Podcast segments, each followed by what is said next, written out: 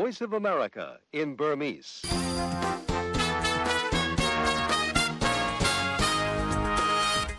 မင်္ဂလာညချမ်းပါတော်ရရှင်များရှင်2021ခုနှစ်စက်တင်ဘာလ29ရက်ဗုဒ္ဓဘူးနေ့ညပိုင်း VOA မြန်မာပိုင်းစီစဉ်တွေကိုမြန်မာစံတော်ချိန်ည9:00နာရီကနေ10:00နာရီထိ American ပြည်ထောင်စု Washington DC မြို့တော်ကနေဓာတ်ရိုက်ထုတ်လွှင့်ပေးနေပါပြီ။လိုင်းဒိုမီတာ31 32နဲ့51တို့ကနေဓာတ်ရိုက်နားဆင်နိုင်တယ်လို့ VOA မြန်မာပိုင်းရဲ့ website နဲ့ Facebook လူမှုကွန်ရက်စာမျက်နှာကနေရုပ်သံကနေပါထုတ်လွှင့်ပေးနေပါပြီရှင်။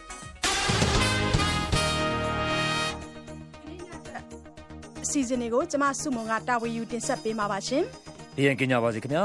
ဒီကနေ့ညသတင်းတွေထဲမှာမြန်မာကျပ်ငွေတန်ဖိုးအစမတန်ကြာဆင်းပြီးကုန်စည်နှုန်းတွေတက်နေတာမန္တလေးကဘုံကြီးကျောင်းတချို့ကိုမနေ့ကစစ်တပ်နဲ့ရဲဝင်စီးပြီးတန်ငါတော်နဲ့လူတချို့ကိုဖမ်းဆီးခဲ့တာဒီကြလွတ်လပ်တဲ့စူဇန်စစ်စီးအဖွဲ့ IMM က Facebook စီကနေသူတို့တောင်းခံတဲ့အချက်လက်တွေကတချို့ကိုပဲရားခဲ့တယ်လို့ပြောလိုက်တဲ့သတင်းတွေနဲ့အတူမြန်မာနဲ့နိုင်ငံတကာသတင်းတွေကိုဥတမောင်တန်းနဲ့ကျွန်တော်ကြော်ကြော်သိပြောပြပါမယ်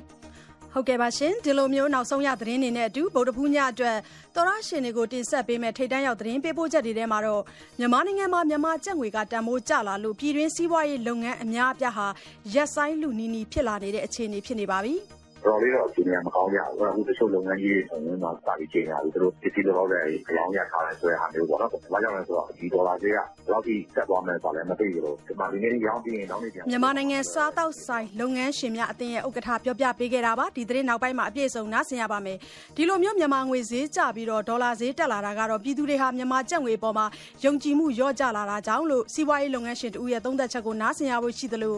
ရန်ကုန် မြင်းဒီကုန်းပြစ်ခတ်မှုနောက်မကွေး နှမ်းခါကနီကရားပြည်နယ်ဒီမော့ဆိုဘက်ကတိုက်ပွဲနောက်ဆုံးအခြေအနေသတင်းပေးပို့ချက်တွေနားဆင်ရဖို့ရှိပါတယ်လူလူနဲ့ကျမ်းမာရေးမြန်မာအရေးသုံးသက်ချက်နဲ့အားကစားကဏ္ဍစတဲ့အပတ်စဉ်ကဏ္ဍတွေကိုလည်းတင်ဆက်ပေးမှာပါအခုရင်ဆုံးကတော့နောက်ဆုံးရသတင်းတွေကိုကိုကြော်ကြော်သိန်းနဲ့ဦးတင်မောင်တန်းတို့ကကြီးညာပေးကြပါလိမ့်မယ်ရှင်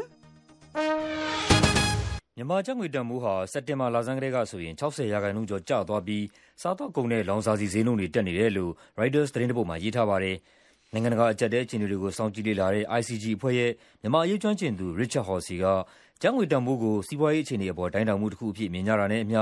ဗိုလ်ချုပ်ကြီးတွေဟာ ဒီအပေါ် အတော့ကိုအယူမှုဖြစ်လွန်းတာမို့ သူတို့အတွက် စိုးရိမ်စရာ ဖြစ်စေပါလိမ့်မယ်။ဒါက သူတို့အပေါ်ကိုက်ဖြတ်ချက်တစ်ခုပါပဲလို့ ပြောပါတယ်။အမေရိကန်ဒေါ်လာနဲ့ လဲလှယ်နှုန်းမှာ ကျပ်ငွေတန်ဖိုး တနေ့ထက်တနေ့ ကျလာနေပြီး ရောင်းဈေးတစ်ဒေါ်လာကို2700ကျပ်ဝန်းကျင်အထိ ရှိတယ်လို့ ငွေကြေးအရောင်းအဝယ်ဈေးကွက်နဲ့ နီးစပ်သူတွေက ပြောကြပေမယ့် အဲဒီဈေးနဲ့ တကယ်တမ်း အရောင်းအဝယ် ဖြစ်သလားဆိုတာကတော့ မသေချာလှပါဘူး။ဈေးကွက်ထဲမှာ အမေရိကန်ဒေါ်လာ နည်းလာနေပြီး ငွေလဲလုပ်ငန်းတချို့ အရောင်းအဝယ် ရပ်လိုက်ကြပါတယ်။ရန်ကုန်မြို့က Northern Breeze ဆိုတဲ့ ငွေလဲလုပ်ငန်းတစ်ခုက လက်ရှိမှာ ငွေကြေးဈေးနှုန်း တည်ငြိမ်မှုမရှိတာ၊ဝယ်လိုအား ရောင်းလိုအား မျှတမှုမရှိတာကြောင့် သူတို့ဆိုင်ခွဲအားလုံးကို ယာယီပိတ်ထားတယ်လို့ Facebook မှာ ဒီကနေ့ ရေးထားပါတယ်။ စစ်အာဏာသိမ်းမှုကို ဆန့်ကျင်ကန့်ကွက်သူတွေက ဒေသတချို့မှာ လက်နက်ကိုင် တိုက်ခိုက်တာတွေ ပိုတိုးလာနေတာနဲ့အမျှ အခုလို ငွေကြေးဈေးကွက်နဲ့ စီးပွားရေးတစ်ခုလုံးမှာ ယိမ်းယိုင်လာနေတာပါ။နိုင်ငံရေးအခြေအနေ ပိုဆိုးလာတာနဲ့အမျှ ငွေလဲနှုန်းကလည်း ပိုဆိုးလာမှာပဲလို့ အမည်မဖော်လိုတဲ့ ဘဏ်အရာရှိတစ်ဦးက Reuters ကိုပြောပါတယ်။ကမ္ဘာ့ဘဏ်ရဲ့ တနင်္လာနေ့ထုတ် အစီရင်ခံစာထဲမှာ မြန်မာ့စီးပွားရေးဟာ ဒီနှစ်ထဲ18ရာခိုင်နှုန်းကျဆင်းမယ်လို့ ခန့်မှန်းထားပြီး ကိုဇော်ဆိုတဲ့ ရန်ကုန်မြို့ခံတစ်ဦးကတော့ လူတွေ ပိုပြီး ဆင်းရဲလာကြမှာပဲလို့ Reuters ကိုပြောပါတယ်။“ ခရီးသွားလာတဲ့အခါ ကိုဗစ်ဖြစ်ခဲ့ဖူးသူတွေအနေနဲ့ ဆေးရုံနဲ့ ကိုဗစ်ကုသရေးစင်တာတွေက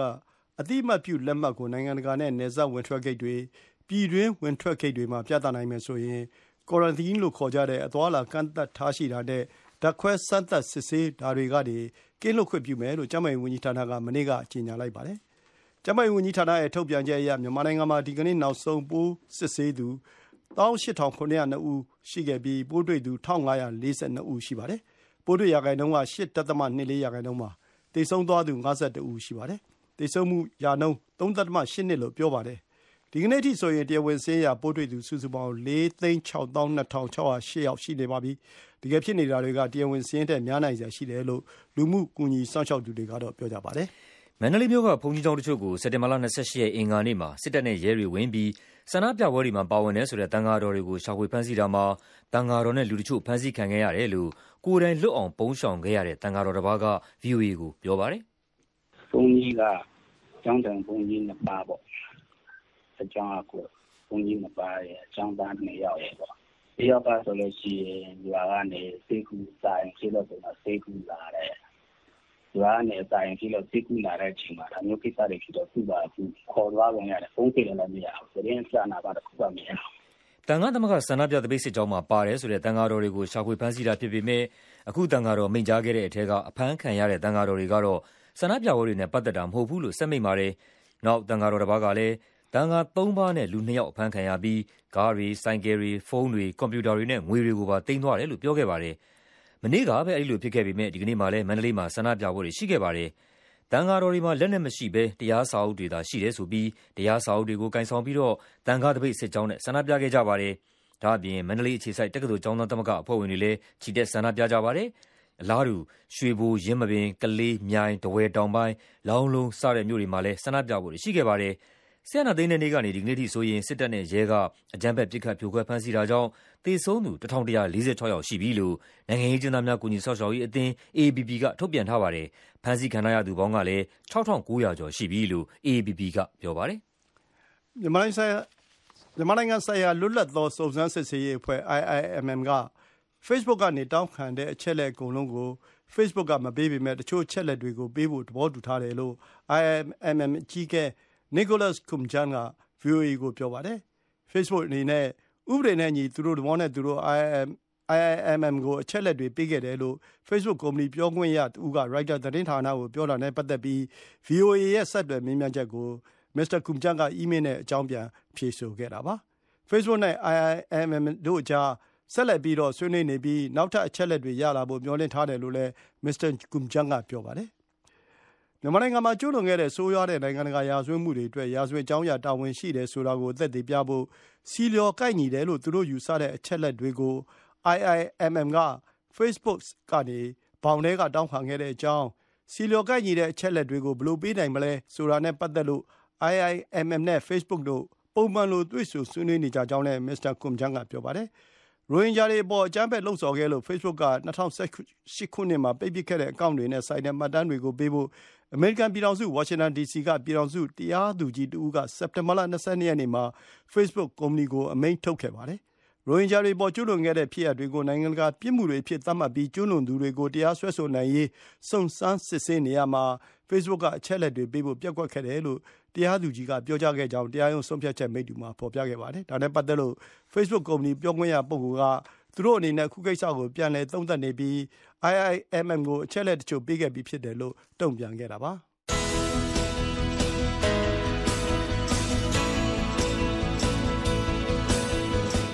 VOA အမေရိကန်တန်ညဘက်မြန်မာဘာသာအစီအစဉ်တွေကိုညပိုင်း9:00နာရီကနေ10:00နာရီအထိလိုင်းဒိုမီတာ31 kHz 9383ညလိုင်းဒိုမီတာ32 kHz 9393ညလိုင်းဒိုမီတာ51 kHz 9885တို့အပြင်စနေတနင်္ဂနွေမှာလိုင်းလံမီတာ190 kHz 1505ကနေပြီးထုတ်လွှင့်ပေးနေပါတယ်ရှင်။ VOA ကနေဗုဒ္ဓညဘက်သတင်းတွေကိုဆက်ပြီးပြောပြနေပါတယ်။အမေရိကန်ပူးတွဲစစ်ဦးစီးချုပ်များအဖွဲ့ဥက္ကဋ္ဌဗိုလ်ချုပ်ကြီး Mark Milley ကသမ္မတဟောင်းဒေါ်နယ်လ်ဒ်ထရမ့်ပ်ရဲ့သမ္မတသက်တမ်းကုန်ခါနီးလောက်မှာတရုတ်စစ်တပ်အကြီးအကဲဆီသူတယ်လီဖုန်းဆက်ပြောဆိုခဲ့တာနဲ့ပတ်သက်လို့မနေ့ကအထက်လွှတ်တော်ကြားနာပွဲအတွင်းခုခံပြောဆိုသွားပါတယ်။ The calls on 30 October and 8 January were coordinated before and after with Secretary Esper and Acting Secretary Miller's staff. အောက်တိုဘာလ30ရက်နဲ့ဇန်နဝါရီလ10ရက်နေ့တွေကဖုန်းဆက်ပြောဆိုခဲ့တဲ့ကိစ္စမတိုင်ခင်ကရောပြီးခဲ့တဲ့နောက်မှာပါဝန်ကြီး Esper ၊ယာယီဝန်ကြီး Miller ရဲ့ဝန်ထမ်းတွေနဲ့ဌာနအချင်းချင်းအကြားညှိနှိုင်းဆောင်ရွက်ခဲ့တာပါ။အောက်တိုဘာနဲ့ဇန်နဝါရီမှာဖုန်းဆက်ပြောခဲ့တဲ့အဓိကရည်ရွယ်ချက်ကတော့ အမေရိကန်က သူတို့ကို တိုက်ခိုက်တော့မယ်ဆိုပြီး တရုတ်တို့က စိုးရိမ်နေတယ်ဆိုတာ ကျနော်တို့ ယုံကြည်ရစေတဲ့ ထောက်လှမ်းရေးသတင်းတွေကြောင့် ဖြစ်ပါတယ်လို့ ဗိုလ်ချုပ်ကြီး Milley က ပြောပါတယ်။သမ္မတထရမ့်ပ်ဟာ တရုတ်ကို တိုက်ခိုက်ဖို့ ရည်ရွယ်ချက်မရှိခဲ့ဘူးဆိုတာ သူ သေချာပေါက်သိခဲ့ပြီး အဲဒါကို တရုတ်တို့ကို ပြောပြဖို့ ဝန်ကြီးရဲ့ ညွှန်ကြားချက်အရ သူ ဖုန်းဆက်ခဲ့တာဖြစ်တယ်လို့လည်း ဗိုလ်ချုပ်ကြီး Milley က ပြောပါတယ်။အမေရိကန်နိုင်ငံအစိုးရအတွက် အကြွေးကန့်သတ်ချက်ကို မြှင့်မပေးဘူးဆိုရင် အောက်တိုဘာ ၁၈ ရက်နေ့မှာ ပေးစရာရှိတာတွေကို အစိုးရကပေးဖို့ ငွေကုန်နေမယ့်အလားအလာရှိတယ်လို့အမေရိကန်ဘဏ္ဍာရေးဝန်ကြီး Janet Yellen ကပြောပါတယ်။အောက်လွှတ်တော်ခေါင်းဆောင်တွေကို Yellen ကအင်္ဂါနေ့ကဒီသတင်းကိုပေးခဲ့တာဖြစ်ပါတယ်။ It is imperative that Congress address the debt limit. If not, အောက်လွှတ်တော်ကအကြွေးကန့်သတ်ချက်ကိစ္စကိုကိုင်တွယ်ဖို့အရေးကြီးဆုံးဖြစ်ပါတယ်လို့ Yellen ကပြောသွားတာပါ။အောက်တိုဘာလ၁၈ရက်ရောက်တဲ့အခါဘဏ္ဍာရေးဌာနမှာပေးစရာအရင်းအမြစ်နည်းနည်းပဲရှိပြီးမြန်မြန်ကြီးကုန်သွားဖို့ရှိတဲ့အကြောင်း၊သမိုင်းမှာပထမဆုံးအမေရိကန်ကအကြွေးပေးဖို့ပျက်ကွက်တာဖြစ်သွားနိုင်ကြောင်း အမေရိကန်အပေါ်ယုံကြည်စိတ်ချမှုထိခိုက်ခံရပြီးဘဏ္ဍာရေးအကျပ်အတည်းကြုံရနိုင်ကာရလဒ်ကတော့စီးပွားရေးကျဆင်းမယ့်အလားအလာရှိနေကြောင်း Yellen ကပြောသွားပါတယ်။အမေရိကန်သမ္မတဟောင်း Barack Obama နဲ့ဇနီးဖြစ်သူသမ္မတဟောင်းကတော် Michelle Obama တို့ဟာချီကာဂိုမြို့ South Side အရပ်မှာဆောက်မယ့် Obama Presidential Center အတွက်အင်္ဂါနေ့ကအုတ်မြစ်ချပေးခဲ့ကြပါတယ်။ ဒီအဆောက်အဦးဆောက်ဖို့အတွက် ဥပဒေကြောင်းအရ ရင်ဆိုင်ခဲ့ရတာတွေ၊အနားပတ်ဝန်းကျင်က လူနေရပ်ကွက်တွေအပေါ် သက်ရောက်မှုဆိုင်ရာ စိုးရိမ်ချက်တွေနဲ့ ဖက်ဒရယ်အစိုးရဌာနတခုက ဆန်းစစ်သုံးသပ်တာတွေကြောင့် နှစ်ပေါင်းအတော်ကြာ နှောင့်နှေးနေခဲ့ပြီးမှ အခုလို အုတ်မြစ်ချနိုင်တာပါ။သမ္မတဟောင်း အိုဘားမားက ဒေသခံတွေနဲ့ ကမ္ဘာတဝန်းက ဧည့်သည်တွေ စုဝေးလာရောက်ကြပြီး ပြည်သူ့ပန်းခြံဆိုတဲ့ ကတိစကားကို ပြန်ပြီး ထူထောင်ပေးတဲ့ နေရာတခုဖြစ်စေဖို့ ကျနော်တို့ ပုံဖော်မျှော်လင့်ထားပါတယ်လို့ ပြောပါတယ်။အဆောက်အဦးတည်ရှိတဲ့ဒေသရဲ့ စီးပွားရေးတိုးတက်အောင် အထောက်အကူပြုနိုင်သလို လူတန်းစားမျိုးစုံက လူငယ်ခေါင်းဆောင်တွေအတွက် ခွန်အားဖြစ်စေဖို့ မျှော်လင့်ပါတယ်လို့လည်း သမ္မတဟောင်း အိုဘားမားက ပြောပါတယ်။ဒေါ်လာသန်းပေါင်း ၈၃၀ လောက် ကုန်ကျမယ့် ဒီအဆောက်အဦးမှာ ပြတိုက်တခု၊အများပြည်သူ စာကြည့်တိုက်တခုနဲ့ ကလေးကစားကွင်းတခုတို့ ပါဝင်မှာဖြစ်ပါတယ်။“အသံထက်မြန်တဲ့ဒုံးကျည်ကို နောက်ဆုံးပစ်လွှတ်ခဲ့တာဖြစ်တယ်”လို့ မြောက်ကိုရီးယား နိုင်ငံတော်ပိုင် မီဒီယာက ဗုဒ္ဓဟူးနေ့က ပြောလိုက်ပါတယ်။ဒုံးကျည်ဟာ အသံထက်မြန်တဲ့ ဒုံးကျည်ဖြစ်ပြီး အမေရိကန်ရဲ့ ဒုံးကျည်ကာကွယ်ရေးစနစ်ကို ဖောက်သွားနိုင်စွမ်းရှိတယ်လို့ သုံးသပ်သူတွေက ပြောပါတယ်။မြောက်ကိုရီးယား နိုင်ငံတော်ပိုင် ဗဟိုသတင်းဌာန KCNA ကဓာတ်ပုံကိုဖော်ပြခဲ့ပြီး ဒီဒုံးကျည်ဟာငါးနှစ်တာ ကာကွယ်ရေးစီမံကိန်းရဲ့ ထိပ်တန်းဦးစားပေးငါးခုထဲက တခုဖြစ်တယ်လို့လည်း ပြောပါတယ်။အဲဒီ စီမံကိန်းကို ဇန်နဝါရီလ အစည်းအဝေးမှာ မြောက်ကိုရီးယားခေါင်းဆောင် Kim Jong Un က လျာထားပေးခဲ့တာဖြစ်တယ်လို့ ဆိုပါတယ်။ဒုံးကျည်ပစ်လွှတ်ခဲ့တာကို Kim Jong Un က မြောက်ပိုင်း Jagang ပြည်နယ်ကနေ ကြည့်ရှုနေခဲ့တာကိုတော့ သတင်းမှာ ဖော်ပြမသွားခဲ့ပါဘူး။အသံထက်မြန်တဲ့ ဒီ ဒုံးကျည်ဟာ နိမ့်နိမ့်ပျံသန်းနိုင်သလို ပျံသန်းနေစဉ်အတွင်းမှာလည်း လိုသလိုကစားလို့ရပါတယ်။ဒါ့အပြင်ဒုံးကျည်ထိပ်ဖူးကိုတွန်းတင်ပေးတဲ့ဒုံးပျံနဲ့သီးခြားခွဲထုတ်နိုင်တာမို့ပိုပြီးကြီးမားတဲ့ဒုံးကျည်မှာတပ်ဆင်လို့လည်းရပါတယ်။ဒါ့အပြင်မြောက်ကိုရီးယားမှာမြေပြင်၊ရေယာဉ်၊ရေငုပ်သင်္ဘောကနေပစ်နိုင်တဲ့နည်းလမ်းလည်းရှိနေတာကြောင့်အမေရိကန်အတွက်ကြီးမားတဲ့ပြဿနာဖြစ်တယ်လို့မက်ဆာချူးဆက်နည်းပညာတက္ကသိုလ်ကာကွယ်ရေးဆိုင်ရာကျွမ်းကျင်သူ Vijin Narang ကဗွီအိုအေကိုပြောပါတယ်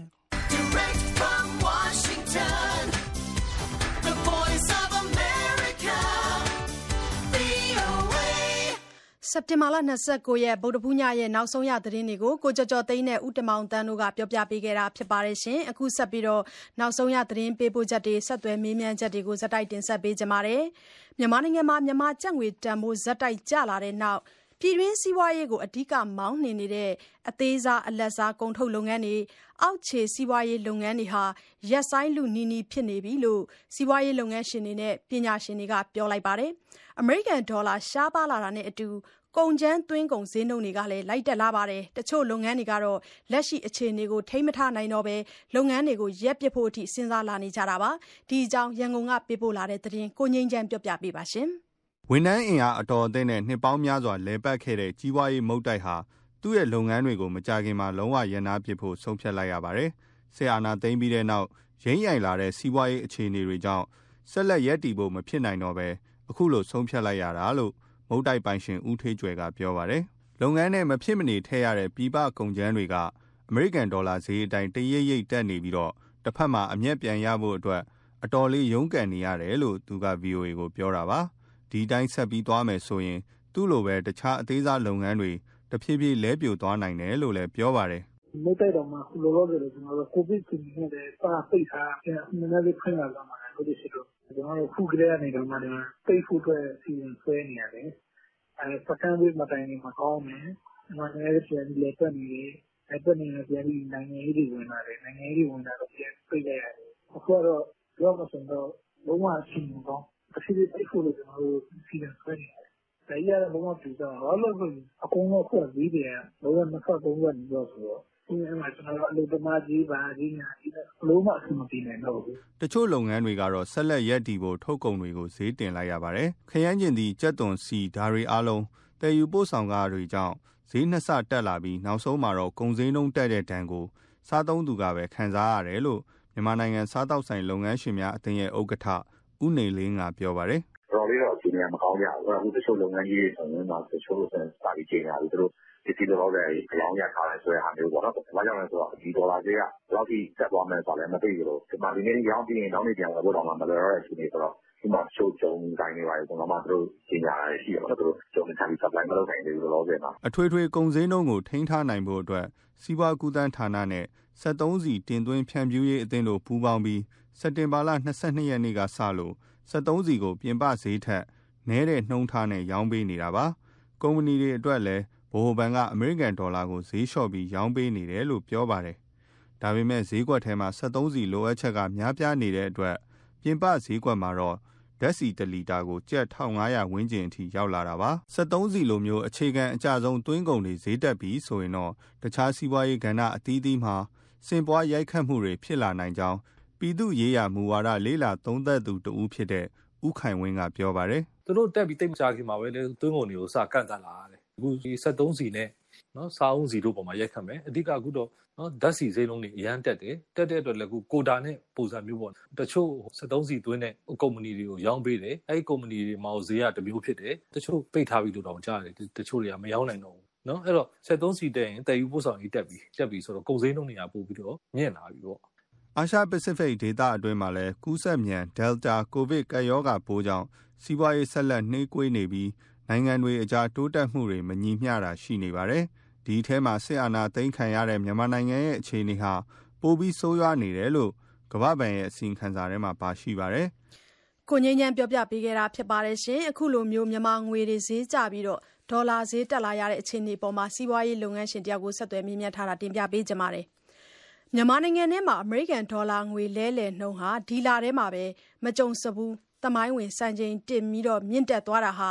ပို့ကုန်သွင်းကုန်ကွာဟချက်ကြောင့် ဖြစ်လာသလို အဓိကအချက်ကတော့ မြန်မာကျပ်ငွေအပေါ် လူထုရဲ့ ယုံကြည်မှု ကျဆင်းလာတာကြောင့် ဖြစ်တယ်လို့ စီးပွားရေးလုပ်ငန်းရှင်တဦးက ထောက်ပြလိုက်ပါတယ်။နိုင်ငံခြားငွေလဲလှယ်ရေးနဲ့ ပြည်ပငွေလွှဲလုပ်ငန်းတွေလည်း ပါဝင်တဲ့ ဝါခေမရောင်းဝယ်ရေးကုမ္ပဏီရဲ့ဥက္ကဋ္ဌ ဒေါက်တာစိုးထွန်းကို ကိုဝင်းမင်းက ဆက်သွယ်မေးမြန်းထားပါတယ်။ဟုတ်ကဲ့ဒေါက်တာစိုးထွန်းခင်ဗျာ ကျွန်တော်တို့ မြန်မာနိုင်ငံမှာ အခု ဒီဒေါ်လာဈေးကမကြုံစဘူးပေါ့နော်တော်တော်အတက်ကျန်းသွားတဲ့အနေအထားမှာဘာကြောင့်အဓိကဖြစ်ရတယ်ထင်လဲဆရာကြီးဟုတ်ပါတယ်လက်ရှိကျွန်တော်တို့ဒေါ်လာဈေးတက်တဲ့နှုန်းကတော့ဒါပြောရမယ်ဆိုရင်တော့ကျွန်တော်တို့သမိုင်းမှာမရှိဘူးတဲ့စံချိန်ဖြစ်သွားတာပေါ့နော်အချိန်တူသွင်းမှာရုပ်ရည်တက်သွားတယ်ပေါ့နော်တက်သွားလို့ကြောင့်မလို့တော့ဒါလူတွေတော်တော်များများဒါဒေါ်လာဈေးတက်တဲ့ပုံမှာ shock ရဝင်ကြတာပေါ့နော်အထူးသဖြင့်တော့ဒီစက်တင်ဘာလအတွင်းမှာဆိုတက်တဲ့နှုန်းကပိုများပါတယ်စက်တင်ဘာလအစမှာဒေါ်လာဈေးက1900ဝန်းကျင်လောက်ကနေပြီးအခု ဒါအန်အင်ဈေးဆို2400လောက်ဖြစ်တယ် ဒေါ်လာအယူက cash ဈေးဆို2900လောက်ဖြစ်သွားတယ်ပေါ့နော် တက်တဲ့ percent တော့ percentage အနေနဲ့ ပြောရင်တော့ တော်တော်များပြားတဲ့ ပမာဏလို့ ကျွန်တော်မြင်ပါတယ် ဟုတ်ကဲ့ဆရာဘာကြောင့်မလို့ အဓိက အခုလို ထောင်တက်သွားတယ်ထင်တယ်အဲအခြေခံကတော့ဒါအားလုံးကတော့ဒါဒေါ်လာဈေးတက်တယ်ဆိုရင်တော့လေ trade deficit တော့ရင်တော့ကြတာပေါ့နော် ကျွန်တော်တို့ဒီမှာတော့လေဒါ export ကကြတယ်သူပြီးနေဆက်ကုန်သွယ်ရေးကို အားကိုးတဲ့ တရုတ်နိုင်ငံတွေနဲ့ ကိုဗစ်ကိုတော့အကြောင်းပြပြီးနေဆက်ကုန်သွယ်ရေး ပိတ်ထားတယ် ဒုတိယအချက်ကတော့ ပင်လယ်ရေကြောင်းကုန်သွယ်ရေးမှာလည်း ကွန်တိန်နာခတွေက ဈေး ၃ ဆလောက်တက်တယ် ကွန်တိန်နာ ရှားပါမှုဖြစ်တဲ့အတွက်ကြောင့်လို့တင်ပို့မှုရော့ကျတယ်ပေါ့နော် အဲ့တော့အဲ့ဒီအချိန်မှာ ကျွန်တော်တို့ကဒီဘာကနေ တင်သွင်းတဲ့ဟာ ပုံမှန်ရှိနေတယ် နောက်တစ်ခါ ကျွန်တော်တို့ဒီ COVID-19 တောက်ဝေးကြောင့်ဒီ medical ပစ္စည်းတွေတင်သွင်းမှုကတော့ ပမာဏရုပ်တရက် ပိုပြီးထိုးတက်လာတာရှိတယ်ပေါ့နော် အဲ့တော့ လိုအပ်ချက်က ရှိနေတယ် ရှိနေတဲ့ကြောင့်မို့တော့အကြမ်းမြင်ကတော့ ဒေါ်လာဈေးကတော့ တက်မဲ့အနေထားတော့ရှိတယ် သို့တော်လည်းပဲနောက်လက်ရှိအနေထားမှာလည်း ဒါ နဂါစအာဏာတွဲပြောင်းတဲ့အတွက်ကြောင့်မို့ FPI ဝင်တဲ့နှုန်းကကျွန်တော်ကျလာတယ်ပေါ့နော်အဲကျတဲ့အတွက်ကြောင့်မို့လက်ရှိကဒေါ်လာဈေးတော့ရင့်တက်စေတဲ့အကြောင်းရင်းပေါ့သို့တော်လည်းပဲဒီ trade deficit ကြောင့်ဖြစ်တယ်ဆိုတဲ့ဒေါ်လာဈေးကဒီလောက်ထိတော့တက်စရာမရှိဘူးအထူးသဖြင့်တက်သွားတဲ့အကြောင်းရင်းရတယ်ကျွန်တော်ပြည်သူတွေအနေနဲ့မြန်မာကျပ်ငွေပေါ်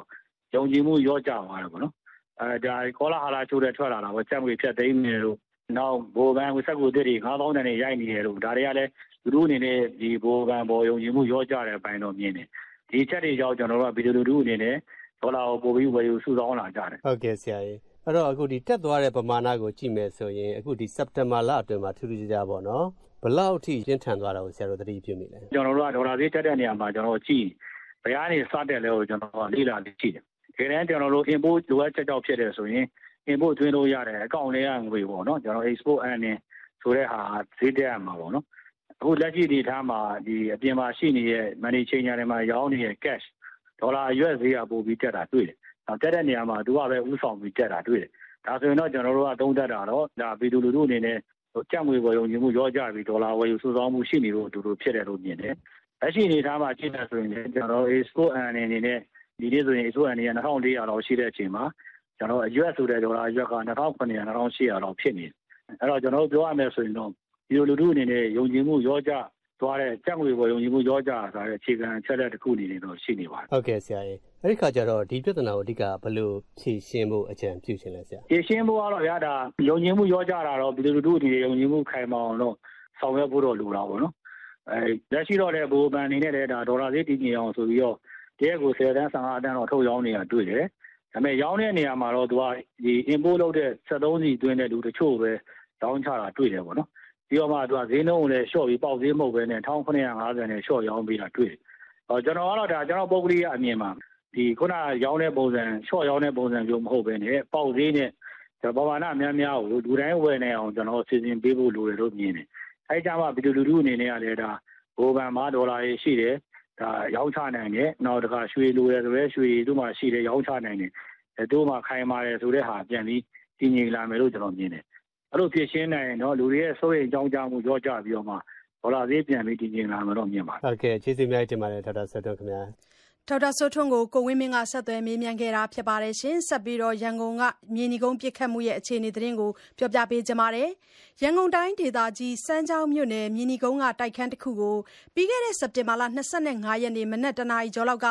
စစ်ကောင်စီဘက်ကနေရှာဖွေစီးနင်းခဲ့ပါတယ်ဒီရှာဖွေစီးနင်းမှုမှာ အပြန်အလှန်ပြစ်ခတ်မှုကြောင့် နှစ်ဖက်စလုံးမှာ သေဆုံးမှုတွေ ရှိခဲ့ပါတယ်လို့ မှုခင်းရဲတပ်ဖွဲ့ရဲ့ အစီရင်ခံစာက လူမှုကွန်ရက်မှာပြန့်နှံ့ခဲ့ပါတယ် တက်ကြွလှုပ်ရှားသူတွေဘက်ကတော့ ဒီလူငယ်လေး ၄ ဦးဟာ တိုက်ပေါ်ကနေ ဆွဲချခံရပြီး လမ်းပေါ်မှာ ပစ်သတ်ခံရတာလို့ ပြောကြပါတယ်။ဖြစ်စဉ်အသေးစိတ်နဲ့ ပတ်သက်လို့ နှစ်ဖက်ပြောဆိုရာမှာ ကွဲလွဲမှုတချို့ ရှိနေတဲ့အကြောင်း VOA သတင်းထောက် မအေးအေးမာက သတင်းပေးပို့ထားပါတယ်။ရန်ကုန်တိုင်းဒေသကြီး စမ်းချောင်းမြို့နယ် မြေနီကုန်းမှာ စစ်ကောင်စီဘက်က ဝင်ရောက်ရှာဖွေတော့အပြန်အလှန် ပစ်ခတ်ရင်းနဲ့ အမျိုးသား ၃ ဦး အမျိုးသမီးတဦးတို့ သေဆုံးပြီး စစ်ကောင်စီဘက်က လုံခြုံရေးတပ်သား3ဦး သေဆုံးခဲ့တယ်ဆိုပြီးမှုခင်းရဲတပ်ဖွဲ့ အစီရင်ခံစာ လူမှုကွန်ရက်မှာပြန့်နှံ့ခဲ့ပါတယ်။ဒါဟာ ရဲတပ်ဖွဲ့ရဲ့ လျှို့ဝှက်အဆင့် သတ်မှတ်ချက်ပါ ပုံမှန်ဖြစ်ရအစီရင်ခံစာ ဖြစ်တယ်ဆိုပြီးနီးစပ်သူတဦးက VOA ကို အတည်ပြု ပြောပါတယ်။ဖြစ်ပွားစဉ် ကြားရတဲ့ပြစ်ခတ်တံတွေဟာ တိုက်ပွဲတစ်ခုလိုပဲလို့ အနီးနားကကြားရသူတွေက VOA ကို ပြောပါတယ်။ခေတ်သစ် သတင်းမီဒီယာက ဖော်ပြတဲ့ ရုပ်သံဖိုင်တစ်ခုမှာတော့ လမ်းမပေါ်မှာပြစ်ခတ်တံတွေ ကြားရပြီး လမ်းမပေါ်မှာ လဲကျနေတဲ့ လူငယ်တွေကို လုံခြုံရေးတပ်သားတွေက ကန်ကြောက်နေတာ တွေ့ရပါတယ်။ဒါကြောင့် ရဲအစီရင်ခံစာမှာပါတယ်လို့အရက်သားတေဆုံးသူ ၄ ဦးဟာ တိုက်ပွဲပြစ်ခတ်စဉ်တေဆုံးတာလား ခေတ်သစ်မီဒီယာက ရေးတယ်လို့တိုက်ခန်းပေါ်က ဆွဲချပြီးမှ လမ်းမပေါ်မှာပြစ်တက်တာလားဆိုတာဟာ ကွဲလွဲမှုတွေ ဖြစ်ပေါ်နေပါတယ်။စစ်ကောင်စီဘက်ကတော့ ဒီဖြစ်ရတဲ့ ပတ်သက်လို့ တရားဝင် ထုတ်ပြန်ပြောဆိုတာမျိုးတွေမရှိသေးပါဘူး။ ဆေးတက္ကသိုလ် ၁ ကျောင်းသားသမဂ္ဂ ထုတ်ပြန်ချက်နဲ့ သူနာပြုတက္ကသိုလ် ကျောင်းသားများသမဂ္ဂတို့ကတော့ အရက်သား သေဆုံးသူ ၄ ဦးထဲမှာ ဒေါက်တာဇင်လင်းနဲ့ သူနာပြု မခင်ခင်ကျွယ်တို့ ပါဝင်တယ်ဆိုပြီးစက်တင်ဘာလ28ရက်နေ့နဲ့29ရက်နေ့တွေမှာ အသီးသီး ထုတ်ပြန်ချက် ထုတ်ခဲ့ပါတယ်။သူနာပြုတက္ကသိုလ် ကျောင်းသားများသမဂ္ဂက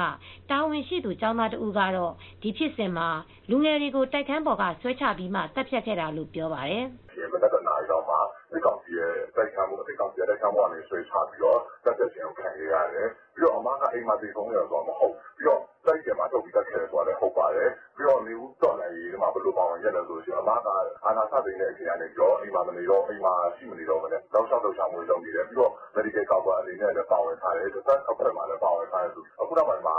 သူတို့ရဲ့ပေါင်ခဲ့တဲ့ အဖွဲ့ တော်တော်များများ မိပြီးတော့ အခု အမက နောက်ပိုင်းမှာ ရှောင်ပေးနေရတယ်အခုလို စိတ်ကောင်းစီရဲ့တက်တက်ရှင်ခံကြရတာဖြစ်တယ်လို့ ကျွန်တော်တို့တက်ချက်သိရတယ်ခင်ဗျ လူမှုကွန်ရက်မှာပြန့်နှံ့နေတဲ့ ရဲအစီရင်ခံစာမှာတော့ နှစ်ဖက် အပြန်အလှန်ပစ်ခတ်ပြီး အမျိုးသား3ဦး အမျိုးသမီး2ဦး နေအိမ်မှာတေဆုံးကြောင်း ရေးသားထားပေမဲ့အရက်သားတေဆုံးသူတွေဟာ ဘယ်သူတွေဆိုတာ ဖော်ပြတာ မရှိပါဘူး။ ဒါပေမဲ့တေဆုံးတဲ့ စစ်ကောင်စီတပ်ဖွဲ့ဝင်3ဦးကိုလည်း အမိယာလူနဲ့တကွ ဖော်ပြထားပါတယ်။အစီရင်ခံစာပါ လုံခြုံရေးတပ်ဖွဲ့ဝင်တေဆုံးသူ3ဦး ဖော်ပြခဲ့ရမှာတေဆုံးတဲ့တက်ကြက်ကြီးတဦးတေဆုံးတာ အမှန်ဖြစ်ကြောင်း VOA က အတည်ပြုနိုင်ပါတယ်။ လမ်းပေါ်မှာပြစ်ခတ်နေတဲ့ ရုပ်သံဖိုင်တင်ထားတဲ့ ခေတ်သစ်သတင်းမီဒီယာကတော့ ဆရာဝန်တဦးနဲ့ သူနာပြုတဦးအပါအဝင် လူငယ်တွေတပ်ဖြတ်ခံထားရတာကို အတီးပြုထုတ်ပြန်ခဲ့ပြီး စစ်ကောင်စီဘက်က တပ်သားတွေတေဆုံးတယ်ဆိုတာကိုတော့ တိကျတဲ့သတင်းမရဘူးလို့ ပြောပါတယ်။ဒီရုပ်သံသတင်းရင်းမြစ်ဟာ ဘယ်လောက်ထိ ခိုင်မာတိကျမှု ရှိပါသလဲလို့ ခေတ်သစ်မီဒီယာ အယ်ဒီတာချုပ် ကိုတာလွန်ဆောင်ထက်ကို မေးကြည့်တဲ့အခါမှာ အခုလိုပြောပြပါတယ်။ဒီလူတွေကပြပို့လာတဲ့ဒီလူတွေရှိလာတယ်။နောက်ပြီးတော့ဒီ network တွေကနေပြီးတော့ ပို့လာတဲ့သတင်းအချက်အလက်တွေရတယ်ပေါ့နော်။အဲဒီတော့ကျနော်တို့အဲဒီဗွီဒီယိုသည်တကယ်တော့ကျနော်တို့ Source နှစ်ခုလောက်ဆီကနေပြီးတော့ပုံစံအမျိုးမျိုးရိုက်ထားတဲ့ဟာကိုကျနော်တို့ရထားတာပေါ့နော်။ရထားတာကိုမှကျနော်တို့ကပြန်ပေါင်းပြီးတော့ပြန်ပြီးစိစစ်လိုက်တဲ့အခါမှာဒီလူထဲမှာလမ်းပေါ်မှာလူငယ်၃ယောက်ကိုပစ်သတ်တယ်။သေနတ်သံကိုလည်းတိတိကျကျကြားရတယ်။နောက်ပြီးတော့လူငယ်တယောက်သွေးအိုင်ထဲမှာလဲနေတာကိုစစ်သေနတ်နဲ့၄၅ချက်လောက်ပေါ့နော်။ကုလားဖောင်းနဲ့ခေါင်းနဲ့အဲလိုကန်နေတဲ့ဟာကိုလည်းကျနော်တို့တွေ့ရတယ် တပ်ဖြတ်ခံရတယ်လို့ဆွဆွဲခံထားရတဲ့ လူငယ်လေးဦးစလုံးဟာဘသူတွေဖြစ်တယ်ဆိုတာကို ခေတ်သစ်မီဒီယာက သိရှိပေမဲ့ဒေါက်တာဇင်လင်းနဲ့ သူနာပြုမတ်ခင်ခင်ကျွဲကိုသာ အတီးပြု ဖော်ပြခဲ့ပြီး နောက်ထပ်နှစ်ဦးနဲ့ ပတ်သက်လို့ မိသားစုတွေရဲ့ ခွင့်ပြုချက်မရတဲ့အတွက် ဖော်ပြတာ မလုပ်ခဲ့ဘူးလို့လည်း ကိုတာလွန်ဆောင်ထက်က ပြောပြပါတယ် ဒီသတင်းနဲ့ ပတ်သက်လို့ စစ်ကောင်စီဘက်က တာဝန်ရှိသူတွေကို မေးမြန်းဖို့ ကြိုးစားခဲ့ပေမဲ့ဆက်သွယ်လို့ မရခဲ့ပါဘူး စစ်တပ်အာဏာသိမ်းပြီးတဲ့နောက် လက်တလောဖြစ်ပေါ်လျက်ရှိတဲ့ အခြေအနေများနဲ့ ပတ်သက်လို့ နိုင်ငံရေးအကျဉ်းသားများကုညီဆောက်ရှောက်ရေးအဖွဲ့ AAPP ကလည်း စက်တင်ဘာလ28ရက်နေ့က သတင်းထုတ်ပြန်ရမှာတော့ စစ်ကောင်စီဘက်က လူငယ်လေးဦးကို တိုက်ခန်းပေါ်ကနေ ဆွဲချခဲ့ပြီး လမ်းပေါ်တွင် ညှဉ်းပန်းနှိပ်စက်ပြီးတပ်ဖြတ်ခဲ့ကြောင်းတပ်ဖြတ်ခြင်းခံရသူတွေထဲမှာ အာနာဖီဆန်ရေးလှုပ်ရှားမှု CDN ပြုလုပ်ထားတဲ့ စေတနာဝန်ထမ်း ဆရာဝန် ဒေါက်တာဇင်လင်းနဲ့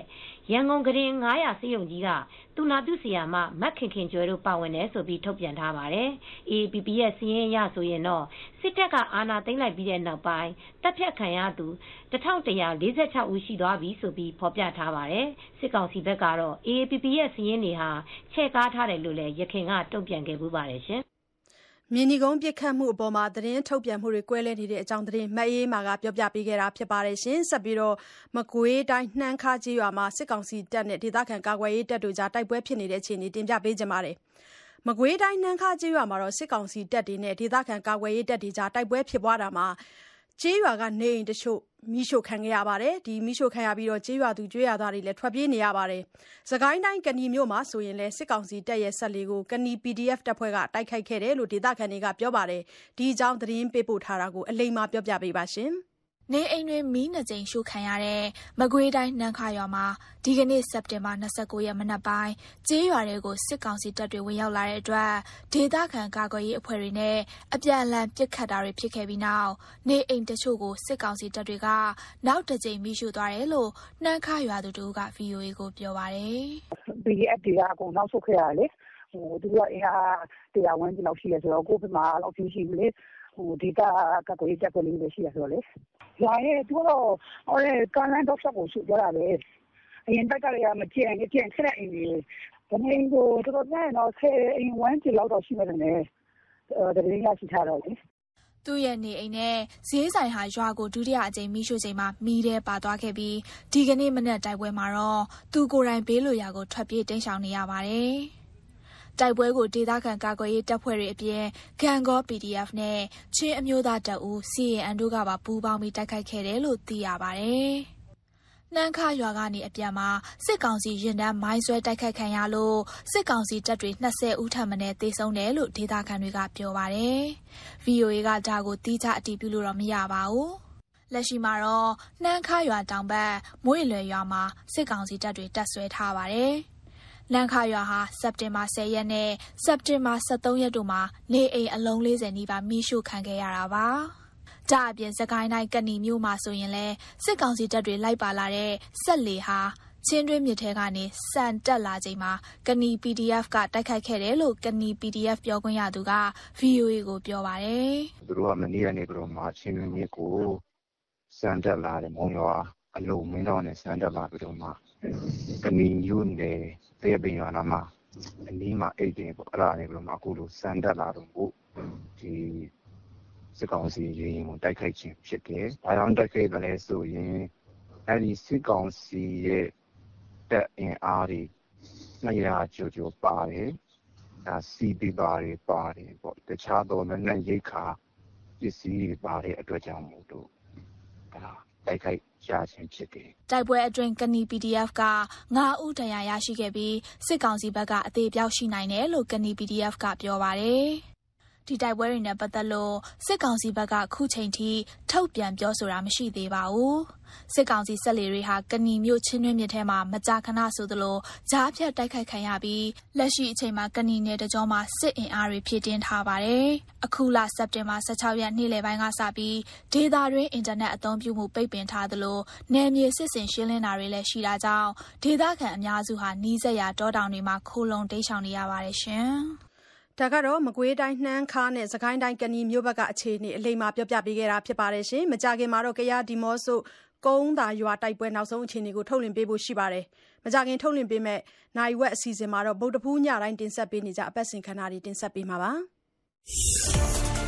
VOA မြန်မာပိုင်းရဲ့ ထုတ်လွှင့်ချက်တွေကို smartphone တွေပေါ်ကနေ နားဆင်နိုင်ဖို့ VOA Burmese app ကို download လုပ် ရယူနိုင်ပါတယ်။ Android အတွက်ဆိုရင် Google Play App Store မှာ VOA Burmese လို့ရှာပြီး download လုပ်နိုင်သလို iPhone တွေအတွက်လည်း Apple App Store မှာ download လုပ်နိုင်ပါတယ်။ VOA Burmese app မှာ VOA မြန်မာပိုင်းကထုတ်လွှင့်နေတဲ့အစီအစဉ်တွေကိုထုတ်လွှင့်နေချိန်မှာတိုက်ရိုက်နားထောင်လို့ရသလိုသတင်းဆောင်းပါးတွေ၊အပတ်စဉ်အစီအစဉ်တွေကိုလည်းအဆင်ပြေတဲ့အချိန်မှာနားဆင်နိုင်ပါတယ်။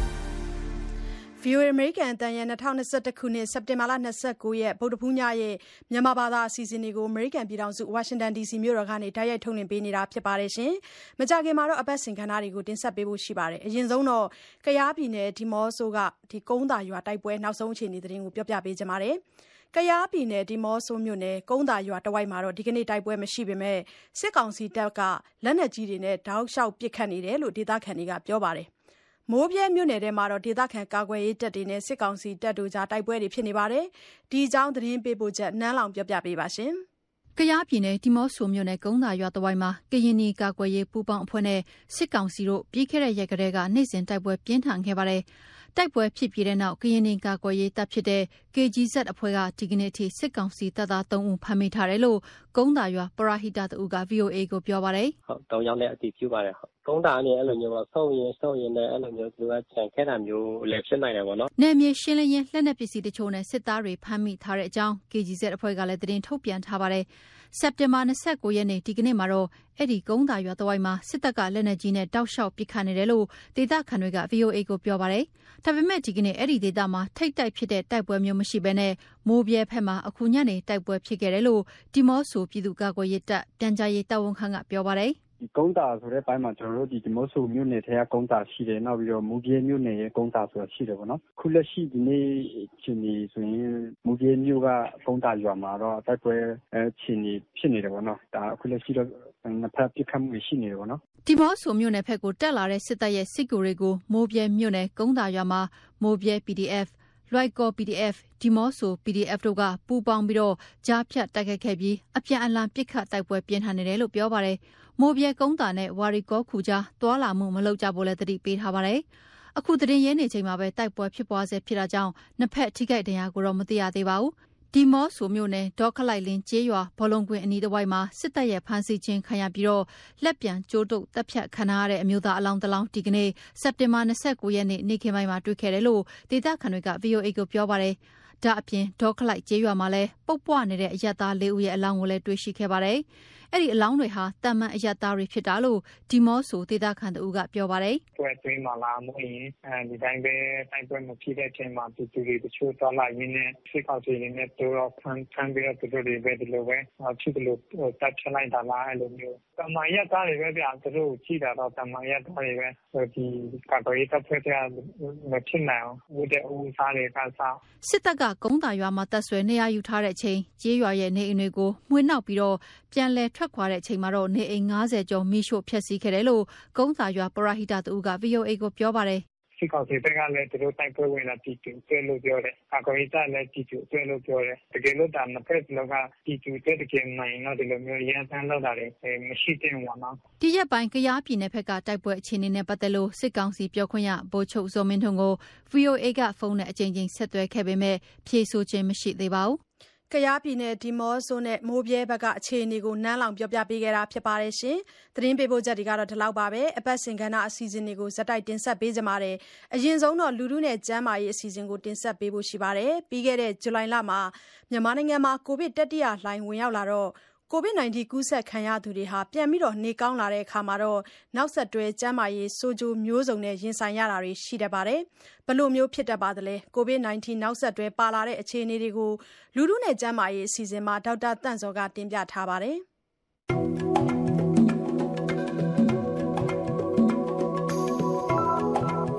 မြန်မာနိုင်ငံမှာဇူလိုင်လအတွင်းမှာကိုဗစ်တတိယလှိုင်းကိုပြင်းပြင်းထန်ထန်ကြုံတွေ့ခံစားခဲ့ကြရတာပါ။အသက်ဆုံးရှုံးသွားတဲ့သူတွေရှိသလိုပြန်ကောင်းသွားကြတဲ့သူတွေလည်းအများကြီးရှိခဲ့ပါတယ်။ ကိုဗစ်ကြောင့်အသက်မဆုံးရှုံးဘဲပြန်ကောင်းသွားတဲ့သူတချို့မှာတော့နောက်ဆက်တွဲဆိုးကျိုးတွေကိုဆူဆူဝါးဝါကြုံတွေ့ခံစားကြရတယ်လို့အင်္ဂလန် Queen Elizabeth ဆေးရုံဘာမင်ဟမ်မှကိစ္စရောဂါအထူးပြုလေ့လာနေသောဆရာဝန်တူဖြစ်သူဒေါက်တာချောချောထွန်းကပြောပါရယ်ဟုတ်ကျွန်တော်အားလုံးသိတဲ့အတိုင်းပဲဇူလိုင်လမှာကျွန်တော်မြန်မာနိုင်ငံဒီကိုဗစ်ကိုကိုဗစ်ရဲ့သက်ဝေးပေါ့နော်အလူအလူလဲကိုခံလိုက်ရတယ်ဟုတ်တယ်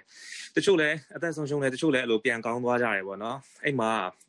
ပြန်ကောင်းသွားတဲ့ယူတွေတော်တော်များများပါပေါ့နော်အဲ့ဘာကြမ်းခဲ့လဲဆိုတော့ကိုဗစ်ရဲ့နောက်ဆက်တဲ့ ဟိုအဆိုးကျိုးတွေပေါ့နော်အဲ့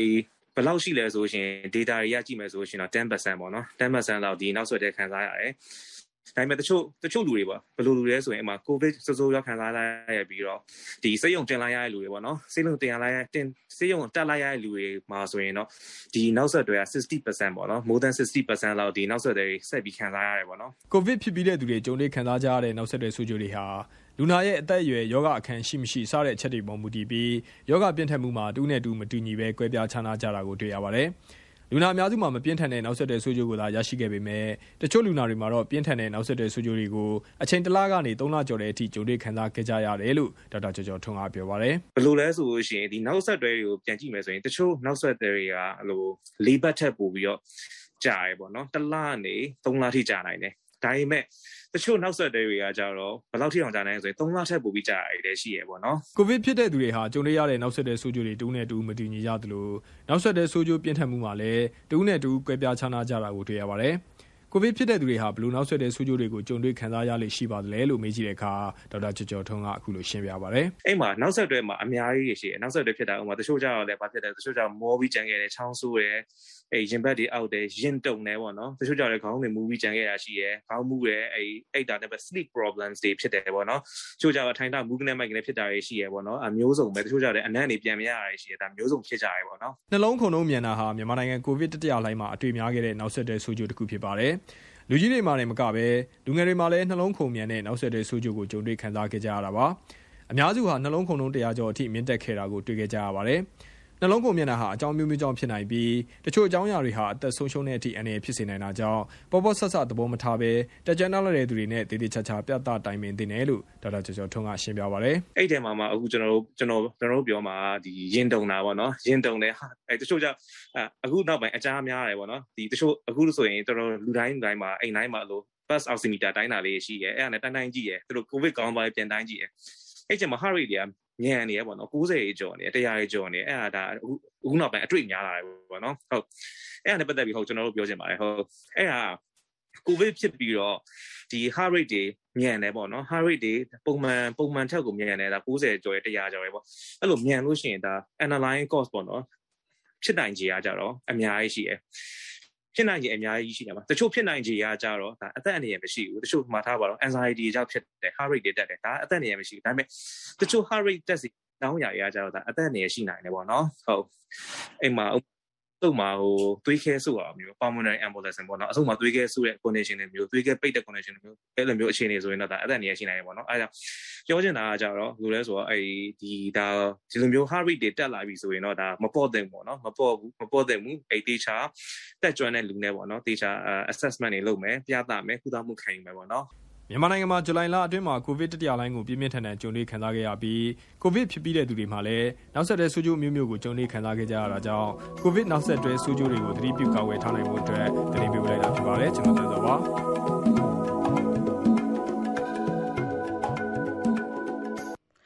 ကိုဗစ်နောက်ဆက်တွဲဆိုးကျိုးတွေအကြောင်းကိုလူလူနဲ့ကျန်းမာရေးအစီအစဉ်မှာဒေါက်တာတန့်စောကတင်ဆက်ပေးခဲ့တာဖြစ်ပါတယ်ရှင်။မကြခင်မှာတော့ကိုရနိုင်တင်ဆက်ပေးမယ့်အားကစားအခမ်းအနားကိုနားဆင်ရဖို့ရှိပါတယ်။ အခုဆက်ပြီးတော့ စစ်အာဏာသိမ်းပြီးတော့ရှစ်လအကြာ တရားဥပဒေစိုးမိုးရေး အခြေအနေကိုဥကြော်စန္ဒတင်ပြထားတဲ့ မြန်မာအရေး သုံးသက်ချက်ကိုတင်ဆက်ပေးခြင်းပါတယ်။မြန်မာနိုင်ငံမှာ စစ်တပ်က အာဏာသိမ်းယူပြီးတော့အုပ်ချုပ်ခဲ့တာရှစ်လကြာမြင့်ခဲ့ပြီဖြစ်ပါတယ်။နိုင်ငံအုပ်ချုပ်ရေးမှာ အခရာအကြဆုံးဖြစ်တဲ့ တရားဥပဒေစိုးမိုးရေးနဲ့ အေးချမ်းသာယာမှု အခြေအနေကဘယ်လိုများရှိနေပါသလဲ။မြန်မာနိုင်ငံ ရှေ့နေများကွန်ရက်ရဲ့ဥက္ကဋ္ဌ ဦးကြည်မြင့်နဲ့ ဦးကျော်စန္ဒတို့ ဆွေးနွေးသုံးသပ်ထားပါတယ်။ ဟုတ်ကဲ့ခင်ဗျာကျွန်တော်ဒီကနေ့ဦးချင်းချင်းကိုမေးချင်တဲ့ကိစ္စကတော့မြန်မာနိုင်ငံရဲ့လက်ရှိအခြေအနေဖြစ်ပါတယ်တရားဥပဒေစိုးမိုးရေးဘယ်လောက်ထိတိုးတက်ကောင်းမွန်လာပြီလဲစစ်တပ်ကအနာသိမ့်ပြီးတော့စစ်ကောင်စီအုပ်ချုပ်လာခဲ့တာလည်းပဲတစ်နှစ်ရဲ့သုံးပုံနှစ်ပုံကျိုးခဲ့ပြီဖြစ်ပါတယ်ဆိုတော့တရားဥပဒေစိုးမိုးမှုဘယ်လောက်ရှိပြီလဲနောက်တစ်ခါငြိမ်ဝတ်ပြပြတယ်လို့ကျွန်တော်မပြောချင်ပါဘူးပြပြသွားရင်တော့ဘယ်ကောင်းတော့မလဲအဲ့ဒါတိုင်းပြည်ရဲ့အေဂျင့်တာယာမှုပေါ်လေဘယ်လောက်အခြေအနေကောင်းလာလဲဆိုမိချင်တာဖြစ်ပါတယ်ဟိုတရားဥပဒေ စိုးမိုးမှုအဆင့်လာတော့အနိုင်ဆုံးအဆင့်တောင်ပြောမယ်ဆိုရင်မရှိတော့ဘူးလို့ပြောရင်ပုံမှန်ပဲပေါ့နော်ကျွန်တော်တို့မှာစီရင်ထုံးဥပဒေရှိတယ်တရားမျှတမှုရှိကြောင်းအများမြင်စေရအကြီးကျွန်တော်တို့စီရင်ထုံးဥပဒေရှိတယ်အဲ့ဒီဟာကိုသူတို့ကမလိုက်နာဘူးလို့တရားဝင်ကြီးညာလိုက်လေဆိုတော့နိုင်ငံသားများလွတ်လပ်ခွင့်ကိုကာကွယ်တဲ့ဥပဒေဆိုတော့အဲ24နာရီတဲ့ပုံမချိုးရအတူရောက်ကိုဖမ်းသွားတယ်။ လူဖမ်းဝရမ်းပါမယ်။ရှားဖွေဝရမ်းပါမယ်။ပိုင်းရွက်အတွင်းဝင်ဝင်ရောက်ခွင့်ရှားဖွေခွင့်တွေခွင့်ပြုချက်ရှိမှလုပ်ရမယ်။နောက်တစ်ခါကနောက်ယုံခံမလိုက်ရဘူး။သူတယောက်တော့ချိုးဖောက်ခံရရင်ရဲတိုင်မှုဖို့မပေးလို့ရှိရင်အဲ့မဖို့ဝဲတဲ့ရဲကိုအေးယူရမယ်ဆိုတဲ့ဥစ္စာတွေအားလုံးကိုမလိုက်နာတော့ဘူးလို့ဒါဖေဖော်ဝါရီလ23ရက်နေ့မှာကြီးညာလိုက်တယ်ပုံချုပ်ကြီးမရောက်လည်းနောက်တကယ်အရေးကြီးတဲ့ နိုင်ငံသားတွေကိုကာကွယ်တဲ့ဟာတွေဖြစ်ပလိုက်တာပေါ့နော်ဆိုတော့ဒီဟာကသူကအရေးယူအပြစ်ပေးမဲ့အတွက်လူကိုလိုက်ရှာတာပေါ့လေနိုင်ငံရေးတွေဘာတွေသူတို့ကိုဆန့်ကျင်မှုနဲ့မပတ်သက်တဲ့သာမန်ပြည်သူတွေဈေးရောင်းဈေးဝယ်တွေဝန်ထမ်းတွေစသဖြင့်သူတို့ရဲ့ဘဝကတော့ဒီဘောင်ထဲမှာဘယ်လောက်ထိလွတ်လွတ်လပ်လပ်လှုပ်ရှားမှုရှိနိုင်ပါသလဲသူတို့ရဲ့အနေထိုင်ကောကျဉ်းကြသလားသူတို့တွေကဒီလိုပဲဖန်စီရေးယူမှုတွေဘလို့အဖက် လွတ်ဆောင်နေရများတွေ့ရပါလားသူတို့ဘဝကဘယ်လောက်ထိလုံခြုံလွတ်လပ်မှုရှိနေပါလဲရောသာမန်ပြည်သူတွေလှုပ်ရှားသူတက်ကြွလှုပ်ရှားသူတွေမဟုတ်ဘဲပြောရင်ပေါ့လေ။နိုင်ကျွန်တော်ပြောတဲ့ကာကွယ်တဲ့ဥပဒေကိုမလိုက်နာတော့ဘူးလို့ပြောရတဲ့အခါကျတော့လက်ရှိအစိုးရပြည်သူကာကွယ်ပေးတဲ့အစိုးရမဟုတ်တော့ဘူးမဟုတ်တဲ့အခါကျတော့သူတို့ကလုတ်ချင်အောင်လုပ်မယ်ပစ္စည်းလူမယ်လူတတ်မယ်မီးရှို့မယ် အဲ့ဒါလေးသူတို့ကသူတို့လုတ်ချင်တယ်လို့လုတ်ခွင့်ရှိသွားပြီလို့ဒီလိုခံယူလိုက်ပုံရတယ်ဘာလို့ဆိုအခုကလူပေါင်းတစ်ထောင်ကျော်အသက်ခံရတယ်အဲ့တော့ကမီးရှို့ခံရတယ်ပစ္စည်းတွေလူခံရတယ်မြို့ပေါ်ကျောင်းရန်ကုန်မြို့ပေါ်မှာကိုပစ္စည်းတွေအိမ်ထဲဝင်ပြီးချိန်တဲ့အချိန်စက်နိုင်တစ်ချက်ဝင်လာတယ်ပစ္စည်းတွေယူသွားတယ်ပတ်စံတွေယူသွားတယ်စားနောက်စားတွေယူသွားတယ်အဲ့ဒါမျိုးတွေကျွန်တော်တို့သွားတွေ့ရတယ်ပေါ့ဗျာအဲ့လိုဖြစ်တဲ့အခါကျတော့ကျွန်တော်တို့ဒူရီယာလည်းမဖြစ်လာလဲဆို တော့ဟိုတချို့ပညာတတ်တွေကဟာဒီလိုလုံးမယ်ဆိုရင်လူကိုသေးသေးလေးကြီးခုခံနေတာပဲဒီလိုလူတက်လာပစ္စည်းလူအဲ့လိုမျိုးတွေလုံးလို့မရဘူးလေဒါဆိုရင်လူကိုသေးသေးလေးကြီးခုခံနေတယ်ဆိုဥပဒေရှိတယ်ဒါကြောင့်မခုခံရမယ်ဆိုတဲ့အတွေးတွေဝင်လာတယ်အဲ့ဒီကမှလူတို့ကသူပြလူငယ်လေးကစပြီးတူတူတရလုံးတက်နေနေမှာခုခံမှုစူးစမ်းလာတယ်ဆိုတော့ကျွန်တော်တို့သွားတွေ့ရတယ် အခုဖန်စီပြီးတော့တရားရုံးမှာအမှုရင်ဆိုင်နေရတဲ့လူတွေကိစ္စလည်းကြားပါတယ်တရားရုံးမှာစစ်ဆေးတယ်အဲ့တရားစွဲဆိုရဲဆိုရဲကိစ္စတွေရောတရားဥပဒေနဲ့ညီညွတ်ပါရဲ့လားရှင်းနေရှင်းတဲ့တရားသူကြီးစစ်ဆေးနေတဲ့ကိစ္စတွေအဲ့ဒါကဘယ်လောက်ထိဥပဒေတိုင်းဖြစ်နေပါသလဲတရားရုံးနေမှာဖြစ်နေတဲ့ကိစ္စတွေကတော့တရားမျှတမှုလုံးဝမရနိုင်အဲအပေါ်ကြောက်ရတဲ့ခါကျတရားသူကြီးဥရိယာရှိရရဲရရှိရတုတ်တုံးမှမလုပ်ရဘူး အဲ့တော့အကြောက်တရားအောင်နေကြတာဒါတရားမျှတမှုမရနိုင်ဘူးသို့တော်လည်းပဲဒီစစ်ကောင်စီကနေပြီးတော့လူငင်းချမ်းသာခွင့်တွေရှော့ပေါ်တာတွေအခြေအနေလုပ်တယ်အဲသူတို့ဘက်ကလည်းလိုက်ရောတယ်ပေါ့ဗျာသို့တော်လည်းအဲ့ဒါတွေမလုံလောက်ဘူးဖြစ်နေဘာလို့ဆိုလို့ရှိရင်လူပေါင်း9900လောက်အင်းစိန်ထောင်မှာအားငါတွေနိုင်ငံရေးမှုတွေနဲ့ဖန်ဆီးထားတဲ့လူတွေတယောက်မလို့ဘူးဖြစ်တယ်။နောက်တစ်ခုကတော့ဗာလဲဆိုတော့ဒီကုန်းတင်တဲ့ဟာတော့ တိတ်ချီချီဝေးစစ်မနေပါဘူး။အမြင့်ဆုံးပြည်တန်ချရတာပါပဲ။ဆိုတော့အရက်ဖက်တရားရုံးတွေမှာဆေးရတဲ့အခါမှာတော့ရှင်းနေဒီခုံခွင့်ပြုတာတို့နောက်ကူရန်ချိပါဝင်ပေးတာတို့အဲတယ်လိုဘက်တီကိုတက်တီပြတာတို့အဲ့လောက်ကြီးအထိုက်တော့လုပ်ပြီးတော့သူလည်းအမြင့်ဆုံးပြည်တန်ချရတာပဲ။သူချင်းဒီနိုင်ငံရေးမှုနဲ့ငါးငါးကာကြီးခါဝေးတွေဒါဝင်မြုပ်တွေဆိုရင်အမြင့်ဆုံးပြစ်ဒဏ်ချပြီးတော့နိုင်ငံတော်အတိုင်းအမြပုဂ္ဂိုလ်တော်ဆန်းစုကြည် တို့လိုအမှုမျိုးဆိုလို့ရှိရင်တော့နိုင်ငံတကာအထူးစိတ်ဝင်စားစောင့်ကြည့်နေရတဲ့ကိစ္စဖြစ်ပါတယ်ဆိုတော့ရောက်တဲ့တိုင်းမှန်မှန်ကန်ဖြစ်လာလိမ့်မယ်လို့မျှော်လင့်လို့ရနိုင်ပါရဲ့လားအဲ့ဒါတော့ဒေါ်စုကတော့တော့ဥပဒေလေးစားတယ်ဆိုဥပဒေတိုင်းလုပ်ပါကျွန်မဥပဒေနဲ့အညီခုခံမယ်လို့သူရှင်းနေတယ်ပြောတယ်ရှင်းနေတဲ့ညွှန်ကြားတယ်ပေါ့နော်သူတို့ကတော့ဥပဒေနဲ့အညီသူတို့ဘက်ကတတ်နိုင်နေမြအပန်းတွေကိုတင်ပြပြီးခုခံမှာတော့သိကြတယ်ဆိုတော့ဘလောက်အောင်မြင်မဲမအောင်မြင်လဲဆိုတော့ကျွန်တော်တို့ကတော့သိနေပါတယ်ဆိုတော့ နမိတ်ကျူမပတ်ချင်ပါဘူးเนาะဆိုတော့လည်းပဲ အချုပ်တစ်ခုကျွန်တော်ပြောချင်တာတော့သူကတော့ဟိုပါပေါ့ဗျာအဲ causal relation ပေါ့ကြောင်းချင်းရဆိုင်ရာဥပဒေတစ်ခုရှိတယ်အဲ့ဒါတရုတ်မီဒီယာတစ်ခုကဗကြုံမကြီးမင်းအောင်လည်းအင်တာဗျူးလုပ်တယ်နောက်ဆုံးမေးခွန်းမှာမီဒီယာပါမေးတယ်ဒေါန်ဆန်းစုကြည်အာနာရှိနေတော့အတိုင်းပြည်တောင်ထားဆောင်နေစဉ်တော့ကောင်းကောင်းမွန်မွန်လုပ်ခဲ့တယ်လို့ယူဆပါလားလို့မေးတယ်မေးတဲ့အခါမှာဗကြုံမကြီးမင်းအောင်လည်းပြုံးပြုံးရှိရတယ် မှန်ပါတယ်ကောင်းမွန်လုပ်ခဲ့ပါတယ်လို့ပြောတယ်အဲ့ဒီဟာကျွန်တော်တို့လောမှာတော့သိကြည့်အမြင့်ဆုံးပုဂ္ဂိုလ်ကနေတရားဝင်ပြောတာစဉ်းစားရမှလည်းပါပါတယ်အဲ့ဒါဗီဒီယိုပတ်တန်းလေးလည်းရှိပါတယ်အဲ့ဒီအရာဆိုရင်တော့ကောင်းမွန်လုပ်ခဲ့တဲ့လူတစ်ယောက်သူကဝန်ခံထားရင်တရားမစွဲသူစင်ဘူးပေါ့ဗျာဒါတော့ causal relation ပေါ့နော်အကြောင်းချင်းအဆိုင်ဟာဥပဒေအနေနဲ့ကျွန်တော်တို့မြင်အောင်ပြောတာပါဟုတ်ကဲ့ဒါကတော့စစ်ကောင်စီဘက်ကပေါ့ ဆိုတော့စောစောကဦးကြီးမြင့်ပြောခဲ့သလိုပြည်သူတရားလုံးကတာဟာခုခံကာကွယ်ပိုင်ခွင့်တော့ငါတို့လောက်ရမှာပဲဒီတိုင်းတော့လောက်ရမှာပဲလောက်တဲ့နေရာမှာတော့အလွန်ကျွံလှုပ်ဆောင်မှုတွေမရှိဘူးလားတချို့ကိစ္စတွေတော့ကြားနေရတယ်ပေါ့လေဒလန်လို့ဆိုတာအထောက်ထားမဲ့ပေါ့ဗျာသူတို့ဘက်ကလည်းပဲသူတို့မှလည်းတရားဥပဒေတွေမရှိတော့အထောက်ထားတွေနဲ့ပြည်မှုထင်ရှားတာတွေဘယ်လိုသက်သက်ပြပါလဲပေါ့လေဒီနေ့စဉ်းစားရင်လည်းပဲဥပမာဖြင့်ရင်သိမ်းရဲတို့ဘာလို့ဘာမှမဆိုင်ဘဲနဲ့ သေဆုံးရတဲ့လူတွေရှိမယ်လို့ထင်ပါတယ်အဲ့ဒီကိစ္စတွေနဲ့ပတ်သက်တော့ဦးကြီးမြင့်ဘယ်လိုပြောချင်ပါလဲသူကခုနကကျွန်တော်စပြောပြောဒီတရားမျှတမှုရှိကြောင်းအများမြင်စီရဤဆိုစီရင်ထုံးဥပဒေ1966မှာထောက်ထောက်မောင်မောင်တို့တရားသူဖွဲ့ရနေပြီဥပဒေပြုခဲ့တာပါအဲ့တော့အဲ့ရတရားမျှတမှုရှိကြောင်းဆိုတာဟိုဘက်ကလည်းပဲစစ်ကောင်စီဘက်ကလည်းပြပေါ့ဗျာသူတို့တတ်တယ်မေးရှို့တယ်ခေါင်းကိုပြစ်တာတယ်ဘယ်လိုတရားမျှတမှုရှိလဲဆိုတာကိုပြပေါ့တတိထောက်ထားတယ် ဒီဘက်ကလည်းပဲဖေဖော်ဝါရီလထဲမှာဆန္ဒပြတဲ့နှစ်ပတ်လောက်အတွင်းဘာတနတ်မှလည်းမကိုင်ဒီတိုင်းပဲအဲ့ဒါလက်နဲ့မဲ့ဆန္ဒပြတာလေအဲ့ဒီပြနာတာလေပြစ်တတ်တယ်ပြစ်တတ်တယ်ဘယ်လောက်တော့တော့ပြစ်လဲဆိုမတ်လ29ရက်တော်လိုင်းကြီးမှာတရက်ထဲနဲ့လူ190လောက်ပြစ်တတ်ခံတယ်ခေါင်းတွေကိုဝင်ပြစ်တာအဲ့ဒီဟာတွေတက်တည်ပြနေတယ်ပေါ့ဗျာအဲ့ခါမှာအဲ့ဒီမှာအထွတ်ထိပ်တွေရောက်ပြီးတော့လူငယ်တွေက ဘာလို့လဲပြန်ချမယ်ဆိုစိတ်တွေဟာခုခံကာကွယ်ပတ်ပြီးရှိတယ်ဆိုတဲ့အချက်ကိုဒီဘက်ကတော့ပြနေတယ်ဒီဘက်ကလည်းစက်ကစားလည်းပြပါဗျာသူတို့ဘာကြောင့်ဒီလိုလုပ်ရလဲဆိုတော့လည်းပြအဲ့လိုပြတဲ့အခါမှာနိုင်ငံတကာကတော့အကြမ်းဖက်မှုကိုလုံးဝလက်မခံဘူးတစ်ခါလုံးဝကြမ်းဖက်သူအမှန်ရင်တော့ရှုတ်ချတယ်ဦးကြီးမြင့်ရဲ့အတွေ့အကြုံရမြန်မာနိုင်ငံသမိုင်းတစ်လျှောက်မှာဟိုအစိုးရဆက်ဆက်မှာလည်းပဲအဲ့လို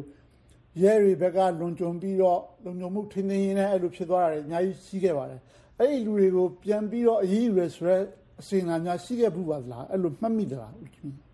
အဲ့လို ပြန်ပြီးအရေးယူရဲဆိုတာလဲ60နှစ်နောက်ပိုင်း7 July မှာလည်း မရှိပါဘူး အလုသမားအရေးခင်းလေးအဲမျိုးစုံပေါ့ဗျာအဲ့ဒါဒီမှာလည်း မရှိပါဘူး ရွှေအောင်ဒေါ်လာကြီးမှာလည်း မရှိပါဘူးတပ်ပတ်လုံးက ထပ်ပြီးထပ်တလဲလဲ ကျူးလွန်နိုင်ရဲတာ အဲ့လို အရေးယူမှု မရှိလို့ဆိုတဲ့ဥစ္စာကျွန်တော်တို့ သွားတွေ့ရပါတယ်ဟုတ်ကဲ့ဆိုတော့ဦးကြီးမြင့်ပြောတဲ့မှာ အစိုးရအဆက်ဆက်ကို ဖော်ပြသွားတယ် ဆိုတော့ NLD အစိုးရ အုပ်ချုပ်ခဲ့တဲ့9နှစ်တာကာလမှာရော ရှိခဲ့ပါလားအဲ့ဒါမျိုးကျွန်တော်ကျွန်တော်တို့နေရာတော့ NLD အစိုးရနဲ့လည်းပြန်ဖြစ်နေတယ်ပြန်ဖြစ်နေတာပဲကျွန်တော် NLD ပါတီဝင်လည်း မဟုတ်ဘာပါတီဝင်မှလည်း မဟုတ်ကျွန်တော်တို့က တရားဥပဒေ ရှုထောင့်ကနေ NLD နဲ့ဝေဖန်တာပဲ တရားကြီးရဲ့ကို မထိန်နိုင်နေမြခင်ဗျားတို့အဲခင်ဗျားတို့ အစိုးရကလည်း ဘာမှသုံးမရဘူး ခင်ဗျားတို့ကလည်း2008ကိုပြမှာ2008ရာကျမတို့မှလုပ်ပိုင်ခွင့် မရှိဘူး တရားကြီးမှလည်း ကျမတို့ တရားသူချုပ်ခန့်ခွင့်မရှိဘူး ခင်ဗျားတို့လည်း ပြောမှာပဲသူကကျွတ်တို့ကလည်း ပြောမှာပဲ အဲ့တော့ခင်ဗျားတို့လည်းတာဝန်ရှိတယ်ခင်ဗျာအဲ့လိုတာဝန်မရှိဘူးလို့ပြောလို့မရဘူးဆိုတော့အစင်တစ်စိုက်ကျွန်တော်တို့ silent မတာပြောလာခဲ့တယ်သို့တော့အဆိုးကြီးနဲ့အဆိုးလေးပဲဖြစ်ပါတယ်ဟုတ်ကဲ့နောက်ဆုံးတစ်ခုအနေနဲ့ညီကုန်းချုပ်အနေနဲ့ခတ်တူတူပြောချင်တာကတော့ဦးကြီးမြင့်မျှော်လင့်ပါသလားမြန်မာနိုင်ငံဟာတရားဥပဒေစိုးမိုးရေးထွန်းကားတဲ့နိုင်ငံတစ်ခုဖြစ်လာလိမ့်မယ်လို့ဘယ်ချိန်လောက်မှများဖြစ်လာနိုင်မယ်လို့မျှော်လင့်ပါလဲကဲဒီစစ်ဒါစကားစားဘက်ကနေပြီးတော့ဖေဖော်ဝါရီလ 2020ခုနှစ်အပြစ်ကရက်ဆက်လိုက်ဒါဒါနိုင်ငံတကာတောင်းဆိုနေတဲ့အကြမ်းဖက်မှုတွေရပ်ပါရပ်ပါဆိုတာကိုသူစပြီးလိုက်ရောပြီနောက်တစ်ချက်ကအဲနိုင်ငံရေးကျင်းသားတွေလွတ်ပါဆိုတဲ့အဆင့်သူသူလည်းစဉ်းစားနေမှာပဲကမ္ဘာနိုင်ငံကြီးတွေအကုန်လုံးကလည်းပဲစစ်စက်ဒီဖြည့်ရှင်ငင်းညမ်းတဲ့မျိုးသုံးပါလို့ပြောတာအပေါ်မှာအဲကျွန်တော်ထင်တာကတော့ဘုံမှုကြီးမင်းအောင်နိုင်တယ်စဉ်းစားလိမ့်မယ်လို့ထင်တယ်အဲ့တော့ကျွန်တော်တို့က နှမျိုးပဲရှိတယ်တစ်က peacekeeping force UN ကชุดပြီးတော့မှစစ်စက်ညှိနှိုင်းတာကိုအတဲတော်မှာဒါမှမဟုတ်လေဘုံကျုံမှုကြီးမင်းအောင်နိုင်ကမ္ဘာနိုင်ငံတွေရတယ်ပို့ဆိုချက်တူနားထောင်ပြီးတော့တော့တိုက်ရောပြီးတော့ပြည်တွင်းငင်းဒီကိုချင်းချင်းပဲစစ်စက်ပြည်ငင်းငင်းပြီးတော့လာဒီမိုကရေစီနိုင်ငံတော်ကြီးကိုထူထောင်မလားဆိုတဲ့လမ်းကြောင်းပေါ်မှာတော့ရောက်အဲ့ဒီလမ်းကြောင်းပေါ်ကြီးအလုံးလေးနဲ့ရောက်လို့အောင်မြင်သွားရင်တော့ကျွန်တော်နိုင်ငံတရားဥပဒေစိုးမိုးတဲ့နိုင်ငံဖြစ်မယ်ကျွန်တော်ဒီကွန်ဆိုတက်ပါတယ်ခင်ဗျာ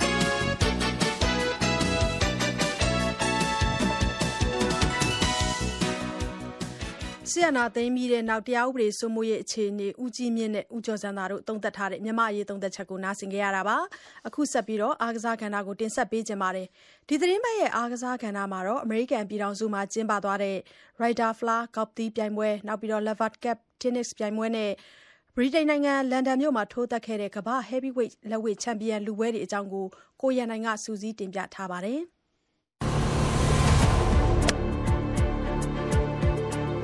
မေရိကန်နဲ့ဥရောပတိုက်ကဂေါက်သီးသမားတွေနည်းနည်းတစ်ချိန်ရှင်ပြိုင်ကြတဲ့ Ryder Cup ဂေါက်သီးပြိုင်ပွဲကိုတော့အမေရိကန်နိုင်ငံ Wisconsin ပြည်နယ်မှာပြီးခဲ့တဲ့တောက်ကြနေ့ကနေတနင်္ဂနွေနေ့အထိကျင်းပခဲ့ကြပါတယ်။ပြီးခဲ့တဲ့နှစ်က COVID-19 ကရောဂါကြောင့်ပြိုင်ပွဲကိုမကျင်းပနိုင်ခဲ့ပဲတနစ်ရွှေဆိုင်ပြီးမှ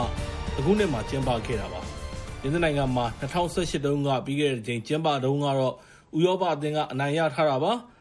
ဒါပေမဲ့ အခုလက်တလော PGA ပြိုင်ပွဲတွေမှာ အမေရိကန်ကစားသမားတွေက လက်စွမ်းပြနေပြီး ကမ္ဘာ့အဆင့်သတ်မှတ်ချက်မှာလည်း ထိပ်ဆုံးက10ယောက်မှာ အမေရိကန်က8ယောက် ပါနေတာကြောင့် ဒီတစ်ချိန်မှာ အမေရိကန်အသင်းကပိုဆွဲဖို့ ပို့ပြီးတော့ ရေပန်းစားခဲ့ပါတယ်။တကယ်တမ်းကစားတဲ့အခါမှာလည်း ပထမနေ့မှာတော့ အမေရိကန်အသင်းက6မှတ်2မှတ်နဲ့ ဦးဆောင်ခဲ့ပြီးတော့ဒုတိယနေ့မှာတော့9မှတ်3မှတ်နဲ့ ထပ်ပြီးနိုင်တာကြောင့်နှစ်ရက်အပြီးမှာ17မှတ်9မှတ်နဲ့ ဦးဆောင်ခဲ့တာပါ။ နောက်ဆုံးတတိယနေ့တဦးချင်း match play မှာတော့အမေရိကန်ကနောက်ထပ်၈မှတ်ထပ်ရပြီးတော့ဥရောပက၄မှတ်ထပ်ရတာကြောင့်နောက်ဆုံးမှာအမေရိကန်က16မှတ်9မှတ်နဲ့ Ryder Flower ကိုအနိုင်ရသွားပါတယ်။အခုလို Ryder Cup ကိုအနိုင်ရလိုက်တာနဲ့ပတ်သက်ပြီးအမေရိကန်အသင်းခေါင်းဆောင် Steve Stricker ကတော့ This is the greatest team of all time right here. These guys are unbelievable. ဒီအသင်းဟာတမိုင်းတစ်လျှော့အကောင်းဆုံးအသင်းဖြစ်ပြီးဒီလူတွေကလည်းမယုံနိုင်လောက်အောင်ကိုထူးချွန်ကြပါတယ်။ ကျွန်တော်ကဒီနေရာနဲ့တိတ်မွေးတဲ့နေရာမှာကြီးပြင်းခဲ့တာပါဒါကခစ်တစ်တခုပါအခုဒီမှာရှိတဲ့သူတို့ဟာငယ်တယ်ပြီးတော့အနိုင်ရခြင်းနဲ့စိတ်ရှိပြီးတကယ်ကိုစိတ်သက်တက်ကြွကြတယ်သူပါသူတို့ဟာဒီကိုအနိုင်ရရမယ်ဆိုတဲ့စိတ်နဲ့လာပြိုင်ခဲ့ကြတာဖြစ်ပြီး ဒါကိုကျွန်တော်တွေ့ခဲ့ရပါတယ်။မနေ့ကကျွန်တော်တို့ပြန်သွားတဲ့အချိန်မှာတော့ပွဲပြီးဖို့တရက်လူသေးတာကြောင့်သူတို့ဒီနေ့နိုင်အောင်ဆက်ကစားဖို့လူနေသေးတယ်။အဲ့ဒီအတွက်ပြင်ဆင်ထားကြတယ်ဆိုတာကိုတွေ့ခဲ့ရပါတယ်။ဆိုတော့ဒီကျွန်တော်တို့လူဒီလူတွေဟာတကယ်ကိုထူးကြပါတယ်။ Ryder Flower ကိုတော့နှစ်နှစ်တစ်ကြိမ်အမေရိကန်နဲ့ဥရောပမှာတလဲစီကျင်းပတာဖြစ်ပြီးလာမယ့်2023ခုနှစ်44ကြိမ်မြောက်ပြိုင်ပွဲကိုတော့ အီတလီနိုင်ငံရောမမြို့မှာကျင်းပသွားမှာဖြစ်ပါတယ်ခင်ဗျာဒီတစ်ပတ်အတွင်းနောက်ထပ်နိုင်ငံတကာအားကစားပြိုင်ပွဲတစ်ခုကတော့ Laver Cup Tennis ပြိုင်ပွဲဖြစ်ပါတယ် Laver Cup ပြိုင်ပွဲဆိုတာကတော့ဥရောပအသင်းနဲ့ဥရောပမဟုတ်တဲ့ကမ္ဘာတစ်ဝန်းက tennis ကစားသမားတွေ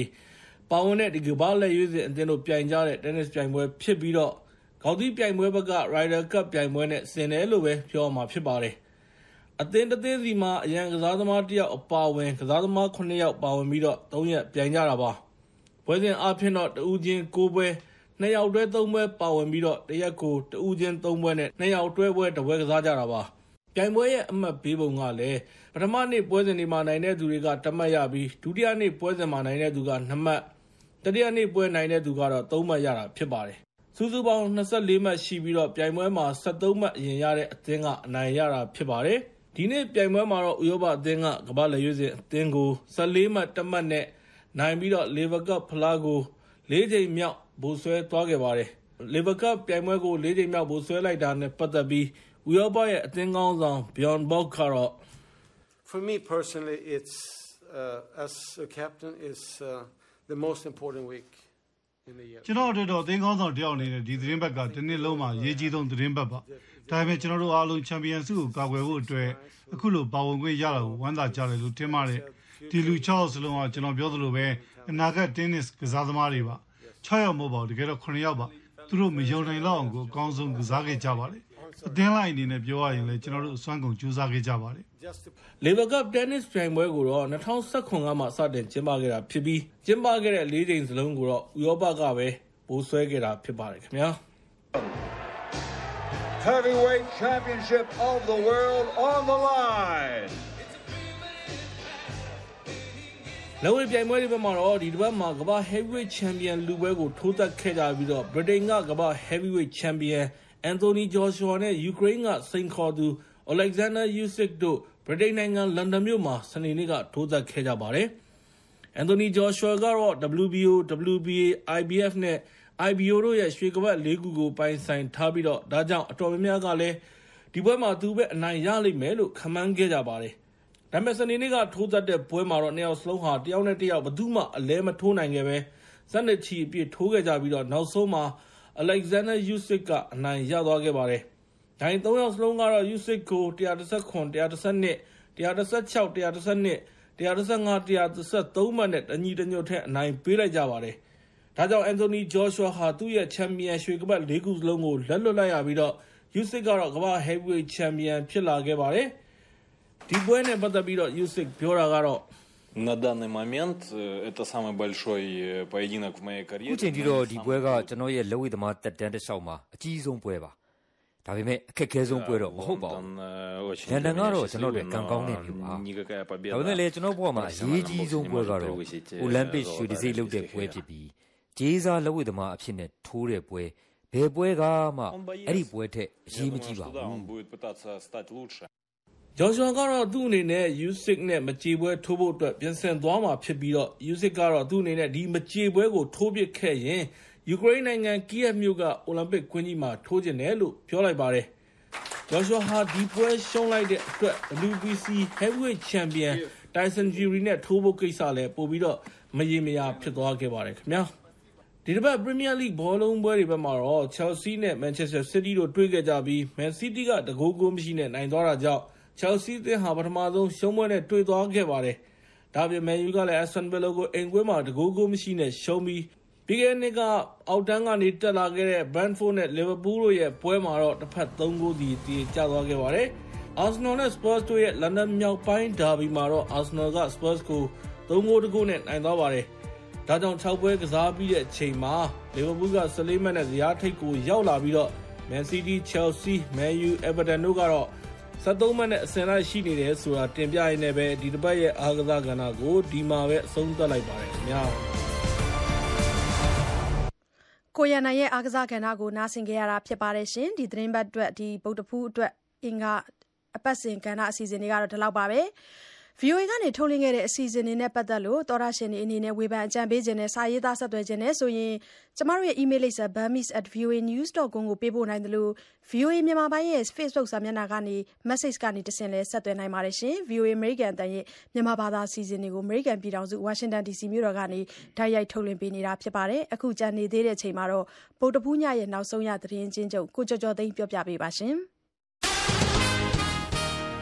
မြန်မာကျပ်ငွေတန်ဖိုးဟာ စက်တင်ဘာလဆန်းကတည်းကဆိုရင်60ရာခိုင်နှုန်းကျော် ကျသွားပြီး စားသောက်ကုန်နဲ့ လောင်စာဆီဈေးနှုန်းတွေ တက်နေတယ်လို့ Reuters သတင်းတစ်ပုဒ်မှာ ရေးထားပါတယ်။နိုင်ငံတကာ အကြက်တဲအခြေအနေတွေကို စောင့်ကြည့်လေ့လာတဲ့ ICG အဖွဲ့ရဲ့ မြန်မာအရေးကျွမ်းကျင်သူ Richard Horsey က ကျပ်ငွေတန်ဖိုးကို စီးပွားရေးအခြေအနေအပေါ် တိုင်းတာမှုတစ်ခုအဖြစ် မြင်ကြတာနဲ့အမျှ ဗိုလ်ချုပ်ကြီးတွေဟာ ဒီအပေါ်မှာ အတော့ကိုအယူမှုဖြစ်လွန်းတာမို့ သူတို့အတွက် စိုးရိမ်စရာ ဖြစ်စေပါလိမ့်မယ်။ဒါက သူတို့အပေါ် အကဲဖြတ်ချက်တစ်ခုပါပဲလို့ ပြောပါတယ်။ မြန်မာနိုင်ငံမှာ ကိုဗစ်ဖြစ်ခဲ့သူတွေအနေနဲ့ ဆေးရုံနဲ့ ကိုဗစ်ကုသရေးစင်တာတွေက အသိအမှတ်ပြုလက်မှတ်ကို နိုင်ငံတကာနဲ့ နယ်စပ်ဝင်ထွက်ဂိတ်တွေ၊ပြည်တွင်းဝင်ထွက်ဂိတ်တွေမှာ ပြနိုင်မယ်ဆိုရင် Quarantine လို့ခေါ်ကြတဲ့ အသွားအလာကန့်သတ်ထားရှိတာနဲ့ ဓာတ်ခွဲစမ်းသပ် စစ်ဆေးတာတွေကနေ ကင်းလွတ်ခွင့်ပြုမယ်လို့ စစ်ကောင်စီကျန်းမာရေးဌာနက မနေ့က ကြေညာပါတယ်။ဒီကနေ့ည ၈ နာရီ ကျန်းမာရေးဌာနရဲ့ ထုတ်ပြန်ချက်အရ ဓာတ်ခွဲရောဂါဓာတ်ခွဲနမူနာစစ်ဆေးမှု ၁,၈၀၂ခုထဲမှာ ပိုးကူးစက်သူ ၁,၅၄၂ ဦး ထပ်တွေ့ပြီး သေဆုံးသူက ၅၁ ဦးရှိပါတယ်။ မန္တလေးမြို့က ဘုန်းကြီးကျောင်းတချို့ကို စက်တင်ဘာလ ၂၈ ရက် အင်္ဂါနေ့မှာ စစ်တပ်နဲ့ရဲတွေဝင်ပြီး ဆန္ဒပြပွဲတွေမှာ ပါဝင်တယ်ဆိုတဲ့ သံဃာတော်တွေကို ရှာဖွေဖမ်းဆီးတာမှာ သံဃာတော်နှစ်ပါးထက်မနည်းနဲ့ လူနှစ်ယောက်ထက်မနည်း ဖမ်းဆီးခံခဲ့ရတယ်လို့ကိုယ်တိုင်ကိုယ်တိုင်လွတ်အောင် ပုန်းရှောင်ခဲ့ရတဲ့ သံဃာတော်တွေက VOA ကိုပြောပါတယ်။မြန်မာနိုင်ငံဆိုင်ရာ လွတ်လပ်သော စုံစမ်းစစ်ဆေးရေးအဖွဲ့ IMM က Facebook ဆီကနေ တောင်းခံတဲ့ အချက်အလက်အကုန်လုံးကို Facebook ကမပေးပေမဲ့တချို့အချက်အလက်တွေကိုပေးဖို့ သဘောတူထားတယ်လို့ IMM အကြီးအကဲ Nicholas Koumjian က VOA ကိုပြောပါတယ်။ Facebook အနေနဲ့ ဥပဒေနဲ့အညီ သူတို့သဘောနဲ့သူတို့ IMM ကို အချက်အလက်တွေ ပေးခဲ့တယ်လို့ Facebook ကုမ္ပဏီ ပြောခွင့်ရတစ်ဦးက ပြောခဲ့တဲ့အပေါ် IMM ဘက်က VOA ကို အီးမေးလ်နဲ့ အကြောင်းပြန် ဖြေဆိုခဲ့တာပါခင်ဗျာ။စက်တင်ဘာလ29ရက် ဗုဒ္ဓဖူးညရဲ့ နောက်ဆုံးရ နိုင်ငံတကာနဲ့ မြန်မာသတင်းချင်းချုပ် ကိုကျော်ကျော်သိန်း ပြောပြပေးခဲ့တာ ဖြစ်ပါတယ်ရှင်ဒီကနေ့ညအတွက် အစီအစဉ် ထုတ်လုပ်ရေးမှုကအလိမ္မာ ဖြစ်ပါတယ် စက်ပိုင်းဆိုင်ရာ အင်ဂျင်နီယာတွေကတော့ Nashwan Kali နဲ့ Joel Gill တို့ ဖြစ်ပါတယ်။ဒီနေ့ညရဲ့ အစီအစဉ်တွေကိုတော့ကျမစုမွန်ကတာဝန်ယူတင်ဆက်ပေးခဲ့တာဖြစ်ပါတယ်။ VOA မြန်မာပိုင်းကနေ အခုထုတ်လွှင့်ပေးခဲ့တဲ့အတန်လွှင့်အစီအစဉ်တွေကို အစီအစဉ်ပြီးပြီးချင်းည10:00နာရီကနေ17:00နာရီထိတစ်ကြိမ်ပြန်ပြီး ထုတ်လွှင့်ပေးတာမို့ နားဆင်နိုင်ပါတယ်။ VOA ကို နားတော်တာဆင်ခဲ့တဲ့အတွက် ကျေးဇူးအထူးပဲတင်ရှိပါတယ်။သောရရှင်များနဲ့တကွ မြန်မာပြည်သူပြည်သားအလုံး စိတ်ချမ်းသာကိုယ်ကျန်းမာလို့ ဘေးပရာဝေးကွာပြီးလူရဆန္ဒပြကြပါစေရှင်။